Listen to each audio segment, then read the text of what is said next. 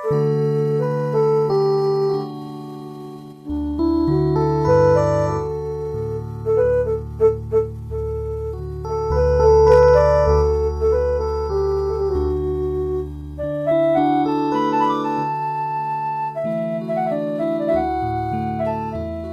ះវិទ្យុសំឡេងមេត្រីភាពផ្សាយចេញពីវិទ្យុ Adventist ពិភពលោក នាងខ្ញុំ Erica Pha ហើយខ្ញុំ John Prisley Pha សូមគោរព និងស្វាគមន៍ចំពោះអស់លោកលោកស្រីនិងប្រិយមិត្តអ្នកស្ដាប់ទាំងអស់ជាទីមេត្រីបងប្អូនលោកអ្នកកំពុងស្ដាប់ដំណឹងល្អពីវិទ្យុសំឡេងមេត្រីភាព ដែលផ្សាយចេញជាភាសាខ្មែរមួយថ្ងៃពីរលើកព្រឹកពីម៉ោង6ដល់ម៉ោង6:30នាទី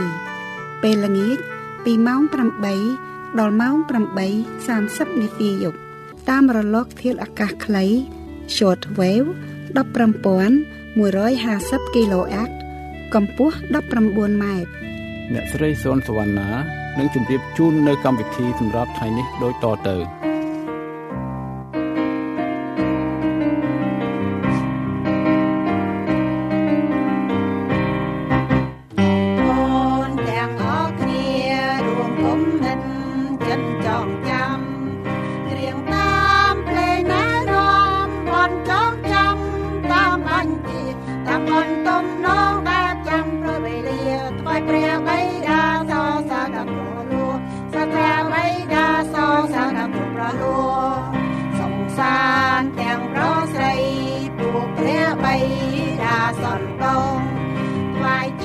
នាងខ្ញុំសូមគោរពអញ្ជើញបងប្អូនលោកអ្នកនិងប្រិយមិត្តទាំងអស់ស្ដាប់អត្ថាធិប្បាយនៃព្រះបន្ទូលព្រះដែលនាំមកដោយលោកគ្រូសនសុផាត សូមអញ្ជើញទទួលសន្ដាប់ដូចតទៅអព្រះអង្គម្ចាស់អើយគឺទ្រង់ហើយ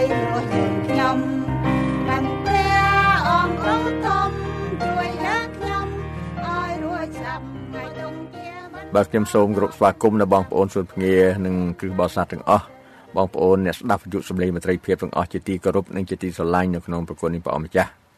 នៅក្នុងនីតិអត្ថាធិប្បាយនៃព្រះគម្ពីរជាបទបន្ទូលព្រះ នៅថ្ងៃនេះខ្ញុំសូមលើកយក ប្រធានបទមួយ ដែលតាក់ទងទៅនឹងប្រវត្តិនៃក្រុមជំនុំគ្រឹស្តសាសនាបើភាសាអង់គ្លេសហៅថា the history of uh, the Christian Church ហើយខ្ញុំសូមជំរាបជូនផងដែរថាខ្ញុំលើកយកមកធ្វើការអធិប្បាយចែកជូនបងប្អូននេះអឺដោយពឹងផ្អែកទៅលើឯកសារខ្លះនៅក្នុងសភៅអំពីប្រវត្តិនៃអឺគ្រឹះសាសនាហើយនឹងព្រះគម្ពីរផ្ទាល់តែម្ដងហើយខ្ញុំធ្វើការអធិប្បាយគឺជាទម្រង់ជាការសន្ទនាជាការសាមញ្ញដើម្បីសម្រួលសម្រាប់បងប្អូនយើងងាយស្ដាប់ដូច្នេះមុនយើងចាប់ផ្ដើម ពិភាក្សាគ្នាក៏ដូចជាការចែកចាយនៅដំណឹងព័ត៌មានខ្លះចែកជូនបងប្អូនសុនភ្ងាបងប្អូនខ្លះក៏លោកបានចេះបានដឹងហើយដូច្នេះខ្ញុំជំរាបជូននេះគឺថាជាចំណែកមួយ នៅក្នុងការដែលយើងបានសិក្សាស្រាវជ្រាវហើយមកចែកជូនបងប្អូនទាំងអស់គ្នា ដើម្បីឲ្យយើងទាំងអស់គ្នាបានដឹងអំពីអឺអ្វីទៅដែលហៅថា ក្រុមជំនុំគ្រីស្គ្រីស្ទៀន បាទជាក្រុមជំនុំគ្រឹះបរិស័ទនឹង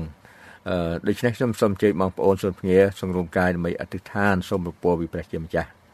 អរព្រះវរបិតាដែលគង់នៅឋានសួគ៌ទូមគុំសូមយាងព្រះមានបរិសុទ្ធរបស់ព្រះអង្គគង់សន្តិដ្ឋជាមួយទូមគុំនឹងបងប្អូនសូមភ្ងាទាំងអស់ដែលកំពុងស្ដាប់នៅព្រះបន្ទូលរបស់ព្រះអង្គក៏ដូចជាការចែកចាយនៅប្រវត្តិអំពីប្រវត្តិសង្ខេបអំពីក្រុមជំនុំ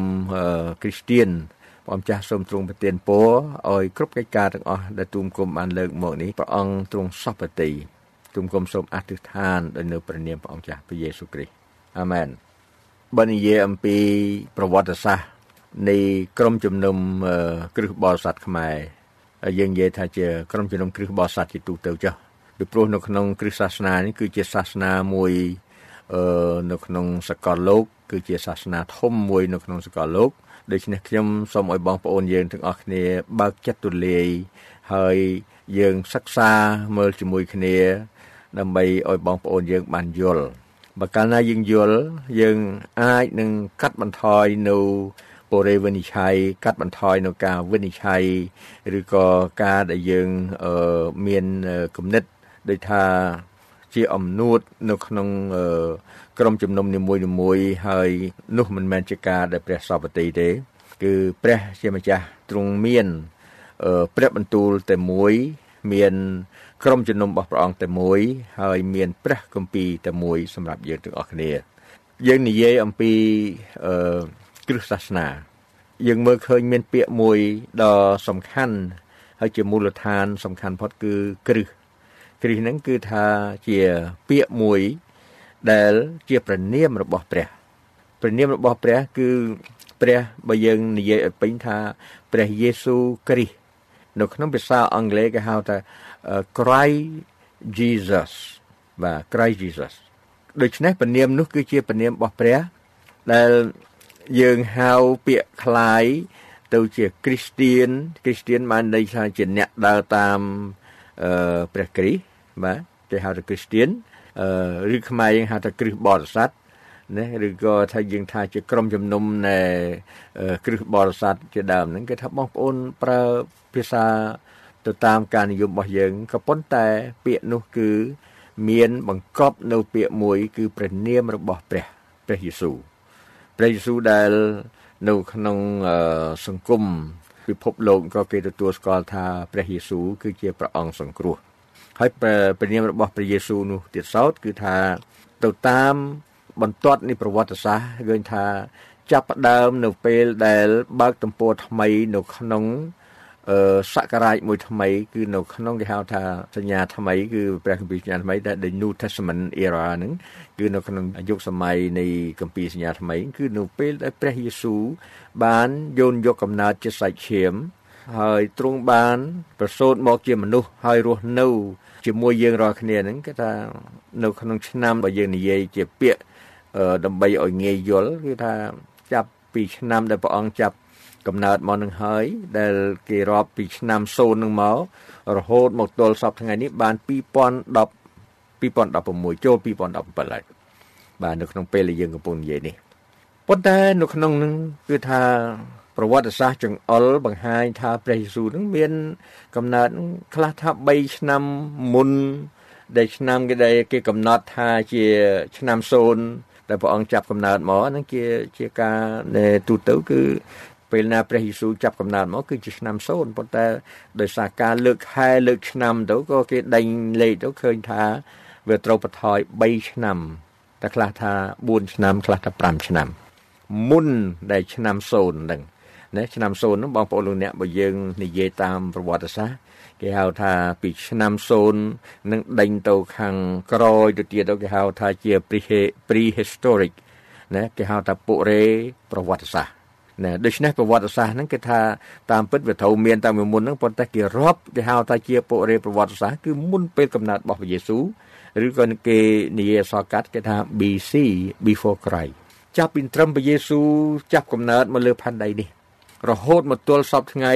ហើយនឹងបន្ទាត់នៃនៃពេលវេលានេះបន្លាយទៅមុខទៀតនោះគេហៅថា AD AD នេះអក្សរកាត់អក្សរឡាតាំងគេថា Anno Domini បងប្អូនខ្លះគាត់គិតថា AD នេះ after death after Jesus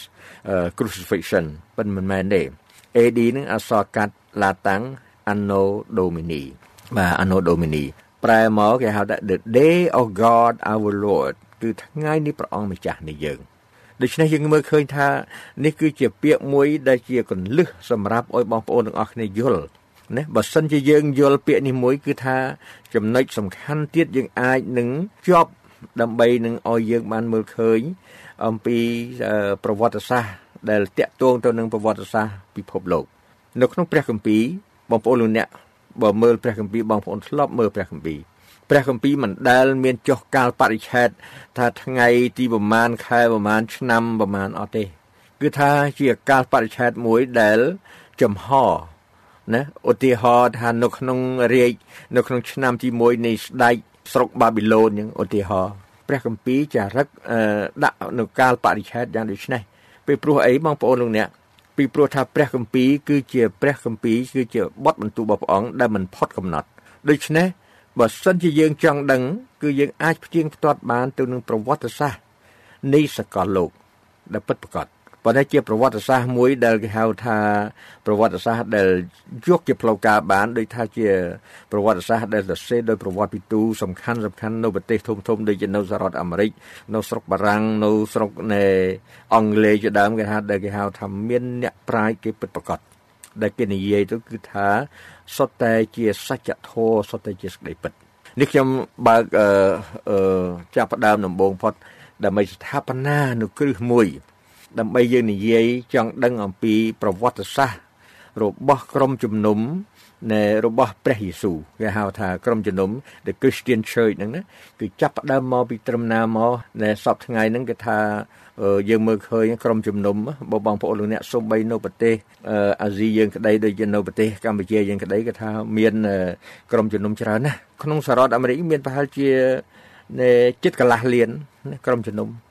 ដូច្នេះមានឈ្មោះនឹងផ្សេងផ្សេងពីគ្នាទៀត ហើយយើងអត់ដឹងដូច្នេះយើងត្រូវស្រាវជ្រាវមើលនៅប្រវត្តិសាស្ត្រប្រវត្តិសាស្ត្រថាហេតុអីបានជាមានឈ្មោះថាអ្នកគ្រីស្ទៀនហេតុអីបានមានឈ្មោះថាព្រះវិហារនៃគ្រិស្តសាសនាគឺមកពីអីគឺមកពីពាក្យថាព្រះគ្រីស្ទគឺជាព្រះនាមរបស់ព្រះយេស៊ូវព្រះអង្គមាននាមថាព្រះយេស៊ូវគ្រីស្ទ គឺថានៅក្នុងភាសាអង់គ្លេសមានពាក្យវិមាត្រព្រះយេស៊ូវដែលមានន័យនៅក្នុងគម្ពីរម៉ាថាយថាបងប្អូនលោកអ្នកមានព្រះគម្ពីរបើកជាមួយខ្ញុំទៅគម្ពីរម៉ាថាយជំពូក1យើងមើលឃើញបទបន្ទូលនៅគម្ពីរម៉ាថាយជំពូក1ខ21នាងនឹងប្រសូតបុត្រាមួយហើយអ្នកត្រូវថ្វាយព្រះនាមថាយេស៊ូវព្រោះបុត្រនោះនឹងជួយសង្គ្រោះរះទ្រង់ឲ្យរួចពីបាប បាទដល់មើលមកខកង្ខំទៀតគេថាមកខំ23មើលនាងព្រំចារីនឹងមានគោប្រសូតបានបុត្រាមួយ ហើយពនាមបុត្រនោះត្រូវហៅថាអេម៉ាញូអែលដែលប្រែថាព្រះអង្គទ្រង់គង់ជាមួយនឹងយើងខ្ញុំដូច្នេះពនាមរបស់ព្រះអង្គគឺមានន័យយ៉ាងដូចនេះជួយរំដោះរាជទ្រង់ឲ្យរួចពីបាបហើយនឹងទ្រង់គង់នៅជាមួយនឹងមនុស្សដូច្នេះពេលព្រះយេស៊ូវចាប់កំណើត នៅក្នុងឆ្នាំ0ឬក៏3ឆ្នាំមុនឆ្នាំដែលគេកំណត់មកនោះក៏ដោយប៉ុន្តែយើងគិតថានៅក្នុងពេលនោះ គឺព្រះយេស៊ូវបានចាប់កំណើតគឺជាការបំពេញនៅបទទំនាយมันមានបានន័យថាគ្រិស្តសាសនាចាប់ផ្ដើមពីនៅក្នុងនៃគ្រិស្តសករាជឆ្នាំ0រហូតមកទល់សពថ្ងៃនេះមិនមែនទេព្រះយេស៊ូវគឺជាព្រះបើសិនជាយើងបានស្គាល់ព្រះអង្គដូចជាមានចែងក្នុងព្រះគម្ពីរ គឺព្រះយេស៊ូវមាននាមថាជាព្រះអធិការជាព្រះអង្គដ៏បង្កើតលោក ហើយគឺជាព្រះអង្គសង្គ្រោះដូច្នេះយើងឃើញថាបើព្រះដែលទ្រង់បង្កើតលោកគឺថាព្រះអង្គត្រូវមានមុនកំណើតផែនដីនេះគឺថាយើងមើលឃើញមែនទែនហើយនៅក្នុងអ្នកប្រាជ្ញខាងប្រវត្តិសាស្ត្រនៃព្រះគម្ពីរគឺគេអោយការសន្មត់មួយថា នៅពេលដែលព្រះបានបង្កើតទីមេឃផែនដីនេះគឺថាមិនមែនតួលេខរហូតដល់ទៅរាប់លានឆ្នាំដូចជាខាងវិទ្យាសាស្ត្រនោះទេគេថាគេយកកំណត់ថា4004ឆ្នាំមុនកំណើតព្រះយេស៊ូវដូច្នេះបើយើងសន្មត់យកតែនៅក្នុងនេះយើងឃើញថា មុនសាសនាអ្វីទៀតនឹងគឺថាព្រះយេស៊ូវមាន ជាមួយនឹងព្រះវរបិតាជាមួយនឹងព្រះវិញ្ញាណបរិសុទ្ធហើយនឹងព្រះយេស៊ូវដែលទាំង3ព្រះអង្គនោះបង្កើតរបស់សពសារពើដូចមានចែងក្នុងគម្ពីរលោកុបាត់ចំពុក1ខ1ខ2ខ3យើងឃើញហើយបងប្អូនមើលជាមួយខ្ញុំថាកាលដើមដំបូងឡើយព្រះបានបង្កើតផ្ទៃមេឃនិងផែនដីឯផែនដីបានខូចហើយនៅទៅទេ មានសុទ្ធតែងងឹតនៅគ្របលើជំរៅទឹក ហើយព្រះវិញ្ញាណនៃព្រះក៏រារានៅពីលើទឹក នោះព្រះទ្រង់មានបន្ទូលថាជួឲ្យមានពន្លឺឡើងដូច្នេះពន្លឺក៏មានឡើង នៅក្នុងខទី1និយាយអំពីព្រះវរបិតាខទី2និយាយអំពីព្រះមានបោសុតខទី3និយាយពីព្រះយេស៊ូវគ្រីស្ទដែលជាព្រះបន្ទូលព្រះបន្ទូលនឹងបងប្អូនលោកអ្នកមើលនៅក្នុងព្រះគម្ពីរយ៉ូហានដំណឹងល្អបានយើងឃើញថា យើងនៅក្នុងគម្ពីរយ៉ូហានដំណឹងល្អចំពុក1យើងអានពីខ1ទៅកាលដើមដំបូងមានព្រះបន្ទូលព្រះបន្ទូលក៏គង់នៅជាមួយនឹងព្រះហើយព្រះបន្ទូលនោះឯងជាព្រះខ្ញុំផ្លោះមកខ14បងប្អូនលោកអ្នកមានពេលមើលទាំងអស់នៅគម្ពីរដំណឹងល្អនៅជំពូក1ហ្នឹងគឺថានៅគម្ពីរដំណឹងល្អគឺនៅគម្ពីរយ៉ូហានដំណឹងល្អជំពូក1គឺមានចែងអំពីអឺតាក់ទងទៅនឹងការដែលព្រះបង្កើតលោក បងប្អូនមើលខ14ជាមួយខ្ញុំព្រះបន្ទូលក៏ត្រឡប់ជាសាច់ឈាមព្រះបន្ទូលគឺព្រះយេស៊ូវដែលនៅជាមួយនឹងព្រះវរបិតានៅក្នុងពេលដែលព្រះអង្គបានបង្កើតលោកសន្និវាសទាំងមូលនេះព្រះបន្ទូលក៏ត្រឡប់ជាសាច់ឈាមហើយបានស្នាក់នៅជាមួយនឹងយើងរាល់គ្នា យើងរាល់គ្នាបានឃើញស្រីល្អទ្រង់គឺជាស្រីល្អនេះព្រះបុត្រាតែមួយដែលមកពីព្រះវរបិតាមានពេញជាព្រះគុណនិងសេចក្តីពិត ខ្ញុំមិននៅកន្លែងនឹងយូរខ្ញុំនឹងនាំបងប្អូនទាំងអស់គ្នាមើលទៅឯពេលវេលាមួយគឺពេលវេលាដែលព្រះយេស៊ូវបានចាប់កំណើតមកនៅលើផែនដីនេះ គឺជាការបើកទំព័រមួយថ្មីដែលក្រោយមកទៀតបន្ទាប់ពីព្រះអង្គទ្រង់បានអឺសម្រេចនៅព្រះមហាពោជនីយកិច្ចដែលព្រះអង្គគង់នៅលើផែនដីនេះបានតែ33ឆ្នាំ33ឆ្នាំកន្លះទេរួចហើយព្រះអង្គទ្រង់បាន ប្រទាននៅជីវិតរបស់ព្រះអង្គ ដែលបានសគត់នៅលើឈើឆ្កាង ជាថ្លៃភ្នោប្រលួសបាបយើងទាំងអស់គ្នា ដើម្បីចេញថ្លៃលុះបាបឲ្យយើង ដើម្បីឲ្យអ្នកណាមួយដែលជឿដល់ព្រះអង្គគេនឹងបានទទួលជីវិតអស់កលជានិច្ចបងប្អូនលោកអ្នកចំពោះបងប្អូនដែលស្ដាប់ឮដំបូងបងប្អូនប្រហែលជាពិបាកយល់ប៉ុន្តែខ្ញុំសូមអធិដ្ឋានសូមឲ្យព្រះជាម្ចាស់ប្រទានពរពីព្រោះនៅចំណុចនេះគឺជា គឺជាដំណឹងល្អនៃសេចក្តីសង្គ្រោះ ដែល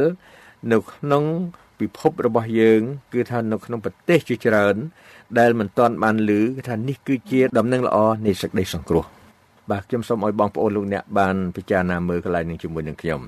ឥឡូវនេះយើងមើលខ្ញុំចង់បង្ហាញប្រាប់ថងថាតើពាក្យថាគ្រីស្ទៀននឹងមាននៅកន្លែងណា ខ្ញុំចាប់យកច្បាស់យកចំណុចតិចតិចទេដើម្បីបងប្អូនយើងទាំងអស់គ្នា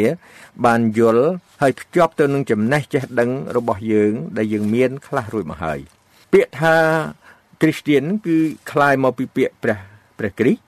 ណាទៅជាគ្រីស្ទៀនហើយពាក្យគ្រីស្ទៀនបានន័យថាបើភាសាអង់គ្លេសថា Christian mean the follower of Christ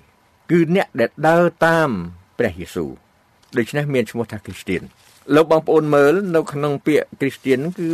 មិនមែនមានតាំងពីដើមមកទេយើងដឹងថាព្រះគម្ពីរចែកទៅជាពីរផ្នែកនៅក្នុងគម្ពីរសញ្ញាចាស់ដែលបើនៅក្នុងគម្ពីរនៃសភៅព្រះគម្ពីរធំរបស់យើងហ្នឹងគឺថាមានចងក្រងនៅកាន់គម្ពីរតូចតូចផ្សំគ្នាហ្នឹងមាន66ដូច្នេះនៅក្នុងចុង គម្ពីរទី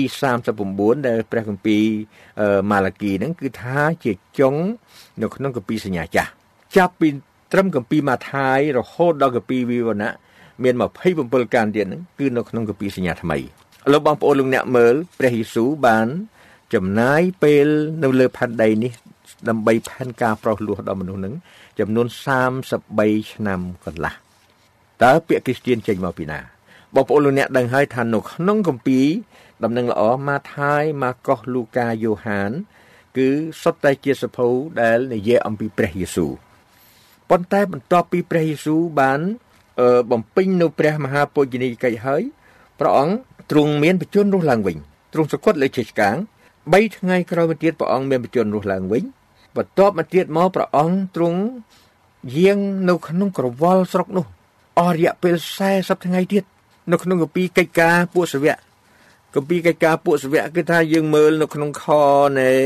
ចំពុក1ខ3ហើយកាលទ្រង់បានរងទុករួចហើយនោះក៏បានសម្ដែងអង្គទ្រង់មកទាំងទាំងរស់ឲ្យពួកសាវកនោះឃើញ ដោយសារផោះតាងជាច្រើនព្រមទាំងលិចមុខឯគេក៏សម្ដែងពីអស់ទាំងសេចក្តីខាងឯនគរព្រះ ក្នុងរវាង40ថ្ងៃ40ថ្ងៃទៀតបងប្អូនលោកអ្នក ដូច្នេះបន្ទាប់ពី40ថ្ងៃនេះព្រះអង្គយាងទៅនគរឋានសួគ៌វិញបន្ទាប់ពីយាងទៅនគរឋានសួគ៌វិញនោះគ្រប់កិច្ចការទាំងអស់គឺបានធ្លាក់មកលើពួកសាវកចឹងបាននៅក្នុងព្រះគម្ពីរនៅក្នុងកាពីដំណឹងល្អដែលគេភ្ជាប់ទាំងកាពីកិច្ចការផងព្រោះព្រោះថាពីកិច្ចការហ្នឹងគឺថាលោកបណ្ឌិតលូកាលោកទៅសេព្រះគម្ពីរលូកាផងទៅសេព្រះគម្ពីរកិច្ចការផង ដូច្នេះព្រះគម្ពីរកិច្ចការក៏ជាសភៅទី5នៅក្នុងដំណឹងល្អអំពីព្រះយេស៊ូវបន្ទាប់ពីព្រះអង្គទ្រង់យាងត្រឡប់ទៅនគរឋានសួគ៌វិញគ្រប់កិច្ចការអស់ធ្លាក់មកលើពួកសាវកសាវកនឹងគេថាយើងឃើញថាសាវកនៅសល់11នាក់ទេយូដាសអេសកាយ៉ូតដែលបានក្បត់ព្រះអង្គនោះគឺថាបានស្លាប់ហើយដូច្នេះគេត្រូវរើសម្នាក់ទៀតឈ្មោះម៉ាធាសបាទដើម្បីឲ្យគាត់ណែរួមគ្នានោះបញ្ចូលឲ្យបានគ្រប់ចំនួន12 12នាក់វិញបាទប៉ុន្តែបងប្អូនទាំងអស់គ្នាដឹងទេគឺក្រុមជំនុំពេលនោះមិនទាន់ហៅថាជាក្រុមជំនុំគ្រីស្ទៀននៅឡើយទេ រហូតដល់តែបានបាសគាត់ធ្វើដំណើរទៅជួបលោកសាវកប៉ុលបងប្អូនលោកអ្នកមើលជាមួយខ្ញុំនៅក្នុងព្រះគម្ពីរនៃកិច្ចការពួកសាវកនៅក្នុងជំពូក11គម្ពីរកិច្ចការពួកសាវកយើងឃើញថាពាក្យថាគ្រីស្ទៀននោះគឺមានមុនគេនៅទីនោះឯង ហើយយើងមើលមកខ2ជាមួយគ្នានៅក្នុងគម្ពីរកិច្ចការពួកសាវកជំពូក11បងប្អូនខ23កាលគាត់ទៅដល់ហើយនោះបានឃើញប្រគុណនៃព្រះនោះគាត់មានសេចក្តីអំណរក៏ទូនមានគេគ្រប់គ្នាឲ្យសម្រេចចិត្តនឹងជាប់នៅក្នុងព្រះអម្ចាស់ត្បិតគាត់ជាមនុស្សល្អពេញជាព្រះវិញ្ញាណបរិសុទ្ធនិងស្ដីជំនឿហើយមានមនុស្សសន្ធឹកណាស់បានចម្រើនដល់ព្រះអម្ចាស់នោះបានបាស ក៏ទៅឯក្រុងតាស៊ុសដើម្បីនឹងរកសុលកាលបានឃើញហើយ នោះក៏នាំគាត់មកឯអានទីយ៉កវិញរួចអ្នកទាំងពីរនោះ បានប្រជុំគ្នា បានប្រជុំគ្នានឹងពួកជំនុំប្រជុំគ្នានឹងពួកជំនុំព្រមទាំងបង្រៀនដល់មនុស្សសន្ធឹកណាស់ក្នុងរវាងមួយឆ្នាំ គឺនៅអានទីយ៉កនេះឯងដែល គេហៅពួកសិស្សថាពួកគ្រីស្ទៀនជាមុនដំបូង ដូច្នេះបងប្អូនលោកអ្នកឃើញមានការវិវត្តទេការវិវត្តហ្នឹងត្រង់ថាឥឡូវនេះ គេមានឈ្មោះថាជាអ្នកគ្រីស្ទៀន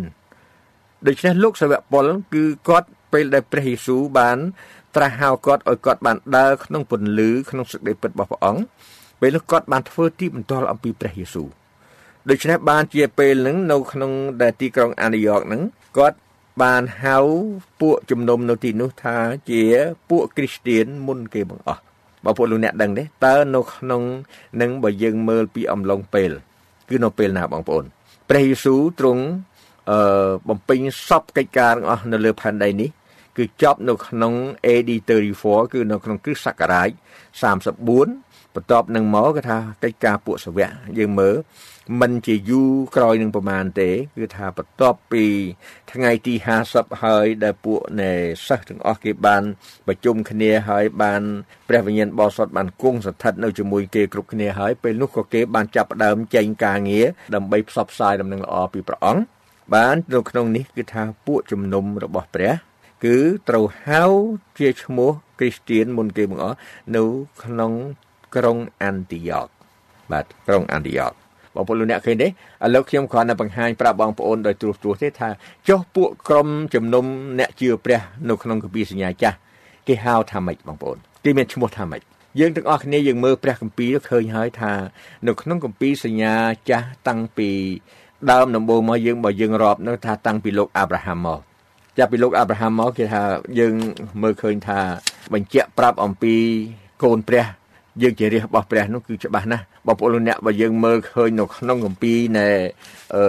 និខមណាំងចំពុក3ខ15បងប្អូនទាំងអស់គ្នាមើលនៅក្នុងគម្ពីរនិខមណាំងចំពុក3ខ15មានបញ្ជាក់ប្រាប់អំពីលក្ខណៈមួយដែលយើងទាំងអស់គ្នាត្រូវដឹងចំពុក3ខ15បងប្អូនបងប្អូនមើលពីខ13ម៉ូសេក៏ទូលទៅព្រះថា មើលកាលណាទូបង្គំទៅប្រាប់ពួកកូនចៅអ៊ីស្រាអែលថាព្រះនេះអឺអាយកោអ្នករាល់គ្នា ទ្រង់បានចាត់ឲ្យខ្ញុំមកឯអ្នករាល់គ្នា ហើយគេនឹងសួរទូលបង្គំ ថាតើព្រះទ្រង់ព្រះនាមជាអ្វីនោះតើត្រូវឲ្យទូលបង្គំប្រាប់គេថាដូចម្ដេចខ14ព្រះទ្រង់មានបន្ទូលទៅម៉ូសេថាអញជាព្រះដ៏ជាព្រះ រួចទ្រង់មានបន្ទូលទៀតថាឯងត្រូវឆ្លើយប្រាប់ដល់ពួកកូនចៅអ៊ីស្រាអែលដូច្នេះថា ព្រះដ៏ជាព្រះទ្រង់អឺបានចាត់ឲ្យខ្ញុំមកឯអ្នករាល់គ្នា ខ15ព្រះទ្រង់ក៏មានបន្ទូលនឹងម៉ូសេទៀតថាចូលនិយាយនឹងពួកកូនចៅអ៊ីស្រាអែលដូចនេះថាព្រះយេហូវ៉ាជាព្រះនៃពួកអាយកោអ្នករាល់គ្នា គឺជាព្រះនៃអាប់រ៉ាហាំជាព្រះនៃអ៊ីសាក់ហើយជាព្រះនៃយ៉ាកុបទ្រង់បានចាត់ឲ្យខ្ញុំមកឯអ្នករាល់គ្នានោះជាឈ្មោះអញនៅអស់នៅអស់កាលជានិច្ចហើយក៏សម្រាប់ហើយក៏សម្រាប់ជាសក្តីរំលឹក ពីអញដល់គ្រប់ទាំងដំណររៀងរៀបតទៅអរគុណព្រះអង្គដូច្នេះបងប្អូនទាំងអស់គ្នាមើលឃើញនៅក្នុងនេះខ្ញុំគ្រាន់ជម្រាបជូនបងប្អូនថាពីដើមបើចង់និយាយថាព្រះចង់សម្ដែងប្រាប់មនុស្ស ថាតើព្រះអង្គគឺជានរណានោះគឺថាឲ្យប្រាប់គេថាទ្រង់គឺជាព្រះនៃអាប់រ៉ាហាំព្រះនៃអ៊ីសាក់និងព្រះនៃយ៉ាកុបយ៉ាកុបនឹងដែលក្រោយមកទៅជាឈ្មោះអ៊ីស្រាអែលអញ្ចឹងបានថាយើងអ្នកដែលជឿព្រះនៅក្នុងគម្ពីរសញ្ញាចាស់គេច្រើនហៅថាជារាជអ៊ីស្រាអែលឬក៏ជាកូនចៅអ៊ីស្រាអែលគឺជាដំណរមកពីលោកអាប់រ៉ាហាំលោកអ៊ីសាក់ហើយនិងយ៉ាកុបយ៉ាកុបនឹងដែលក្រោយមកទៅជាលោកនៃអ៊ីស្រាអែល បាទបងប្អូនលោកអ្នកឃើញទេនៅក្នុងព្រះគម្ពីរបានចែងយ៉ាងច្បាស់ណាស់ថាបើខ្ញុំស្រាវជ្រាវមើលគឺថាកូនចៅអ៊ីស្រាអែលហ្នឹងមានចែងដល់ទៅ619ដងមិននៅក្នុងគម្ពីរសញ្ញាចាស់ដូច្នេះនៅក្នុងគម្ពីរសញ្ញាចាស់មិនមានឈ្មោះគ្រីស្ទៀនទេគឺមានឈ្មោះថាជាកូនចៅអ៊ីស្រាអែលបាទដូច្នេះគេថាមួយទៀតជាកូនព្រះជាកូនចៅព្រះយ៉ាងទៅណានៅក្នុងក្នុងគម្ពីរសញ្ញាចាស់ ដល់ពេលបន្ទាប់ពីព្រះយេស៊ូវទ្រង់បាន សម្រេចកិច្ចការទ្រង់យាងត្រឡប់ទៅនគរឋានសួគ៌វិញ ហើយពេលនោះគឺថាពេលដែលបានបាសពេលដែលណែពួកសាវកបានចេញទៅបំគេហៅថាផ្សព្វផ្សាយពីព្រះនគរហ្នឹងនៅក្នុងទីក្រុងអានីយ៉កនោះគឺជាកន្លែងដែលគេហៅឈ្មោះគ្រីស្ទៀនមុនគេបង្អស់បងប្អូនលោកអ្នកឃើញទេដូច្នេះដោយសារពេលវេលាខ្លីខ្ញុំសូមបញ្ចប់អឺ slash ប៉ុណ្ណេះសិនហើយយើងនឹងបន្តទៅទៀតនៅក្នុងកម្មវិធីក្រោយខ្ញុំនឹងជម្រាបជូនបងប្អូនបន្តទៅទៀតអំពីប្រវត្តិសាស្ត្រតាក់ទងទៅនឹងព្រះគម្ពីរអឺហើយនឹងតាក់ទងទៅនឹងក្រុមជំនុំគ្រីស្ទៀនគ្រឹះបរិស័ទយើង បាទសូមព្រះជាម្ចាស់ប្រទានពរបងប្អូនទាំងអស់គ្នាជាបរិបូរអាមែនដល់ព្រះអង្គ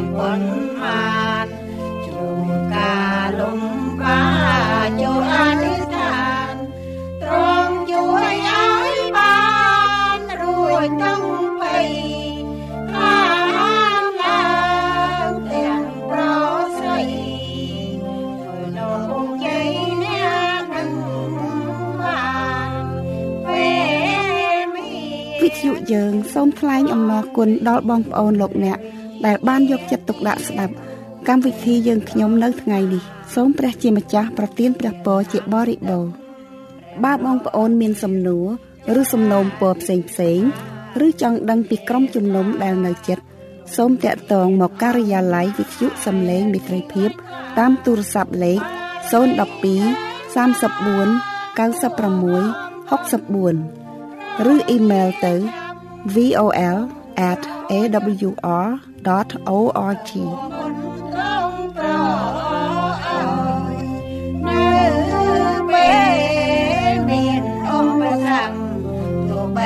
គ្រោះថ្នាក់ដល់ស្លាប់ក៏ដោយព្រះវិញ្ញាណឧបន់ហើយកំរាក្លែក្រោ